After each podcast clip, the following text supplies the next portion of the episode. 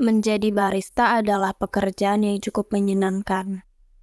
Aku sangat menyukai kopi, tapi aku tidak terlalu tahu banyak jenis-jenis kopi. Kedai kopi ini memiliki arsitektur modern minimalis, memiliki bangunan yang cukup luas, dan pemiliknya sangat menyukai karya seni lukis. Dibuktikan dengan terpajangnya beberapa lukisan yang aku pun tak tahu itu lukisan jenis apa. Di setiap hari Sabtu, pengunjung selalu datang lebih ramai dibandingkan hari-hari biasa. Itu yang aku dengar dari teman sesama barista di sini. Muda-mudi yang selalu paling dominan yang mengunjungi tempat ini. Aku melirik jam di pergelangan tanganku. Jam sudah menunjukkan pukul 10 malam.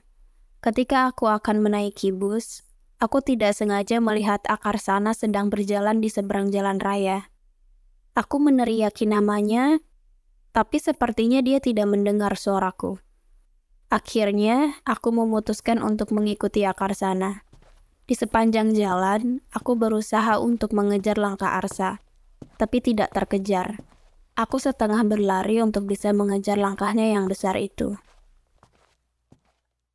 Tepat di sebuah bangunan yang bertuliskan X-Star di depan pintu masuk, Arsa masuk ke dalam sana. Aku tidak bisa lagi melihat punggungnya, karena Arsa benar-benar telah masuk ke dalam bangunan itu. Di depan pintu masuk, ada dua penjaga dengan badan besar dan tegap sedang berjaga. Arsa sepertinya sudah sangat dekat dengan mereka. Sebelum masuk, Arsa sempat berbicara dengan mereka dan sempat tertawa beberapa saat. Awalnya aku ragu, apakah aku harus ikut masuk ke dalam sana? Aku tidak pernah masuk ke dalam klub sama sekali. Jadi, ada keraguan di hati untuk masuk ke dalam sana. Karena rasa penasaran mengapa Alsa datang ke tempat seperti ini, akhirnya aku memberanikan diri untuk masuk ke dalam sana.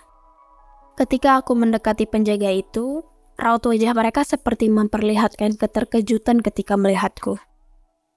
Sebelum mereka berbicara, aku berbicara terlebih dahulu. Ini tanda pengenalku. Kalau boleh tahu, apakah kalian mengenal orang yang masuk sebelumku? Mereka berdua saling pandang dan tak menjawab pertanyaanku. Karena tidak mendapatkan jawaban, aku mengambil kartu identitas yang masih mereka pegang dan segera bergegas masuk ke dalam. Ada apa dengan mereka? Kenapa mereka terkejut saat melihatku? Aku kan sudah legal masuk ke dalam sini. Ah, aku tidak peduli. Klub ini memiliki desain yang cukup mewah minimalis dengan ruangan yang tidak terlalu besar. Ada meja bar terletak di sudut ruangan yang memanjang. Di sana, terdapat beberapa minuman beralkohol yang terpajang di rak-rak gantung di dekat meja bar. Tak lupa, ada bartender yang siap menyajikan setiap minuman yang dipesan, serta beberapa kursi dan meja yang tersusun cukup rapih di dalamnya. Pencahayaannya cukup minim di dalam sini, hanya ada beberapa lampu yang menyala dan lampu gantung minimalis yang menghiasi ruangan. Ada panggung yang tidak terlalu besar di sana.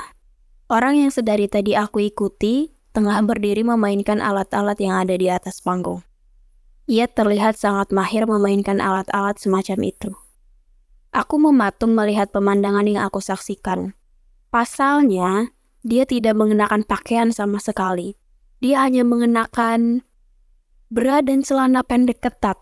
Tak pula, dia memakai wig panjang sebahu dengan warna silver terang. Mata kami bertemu.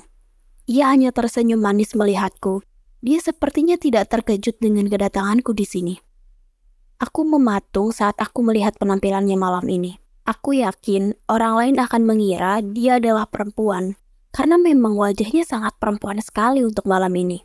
Dan entah bagaimana, dia bisa menggunakan bra dengan panjolan yang sangat mirip dengan punyanya perempuan.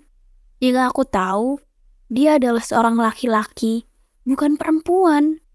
Tapi bagaimana bisa ia di sana mengenakan pakaian yang ah, aku pun tak tahu harus menjelaskannya seperti apa. Siapa dia sebenarnya? Dan mengapa dia memakai pakaian seperti itu?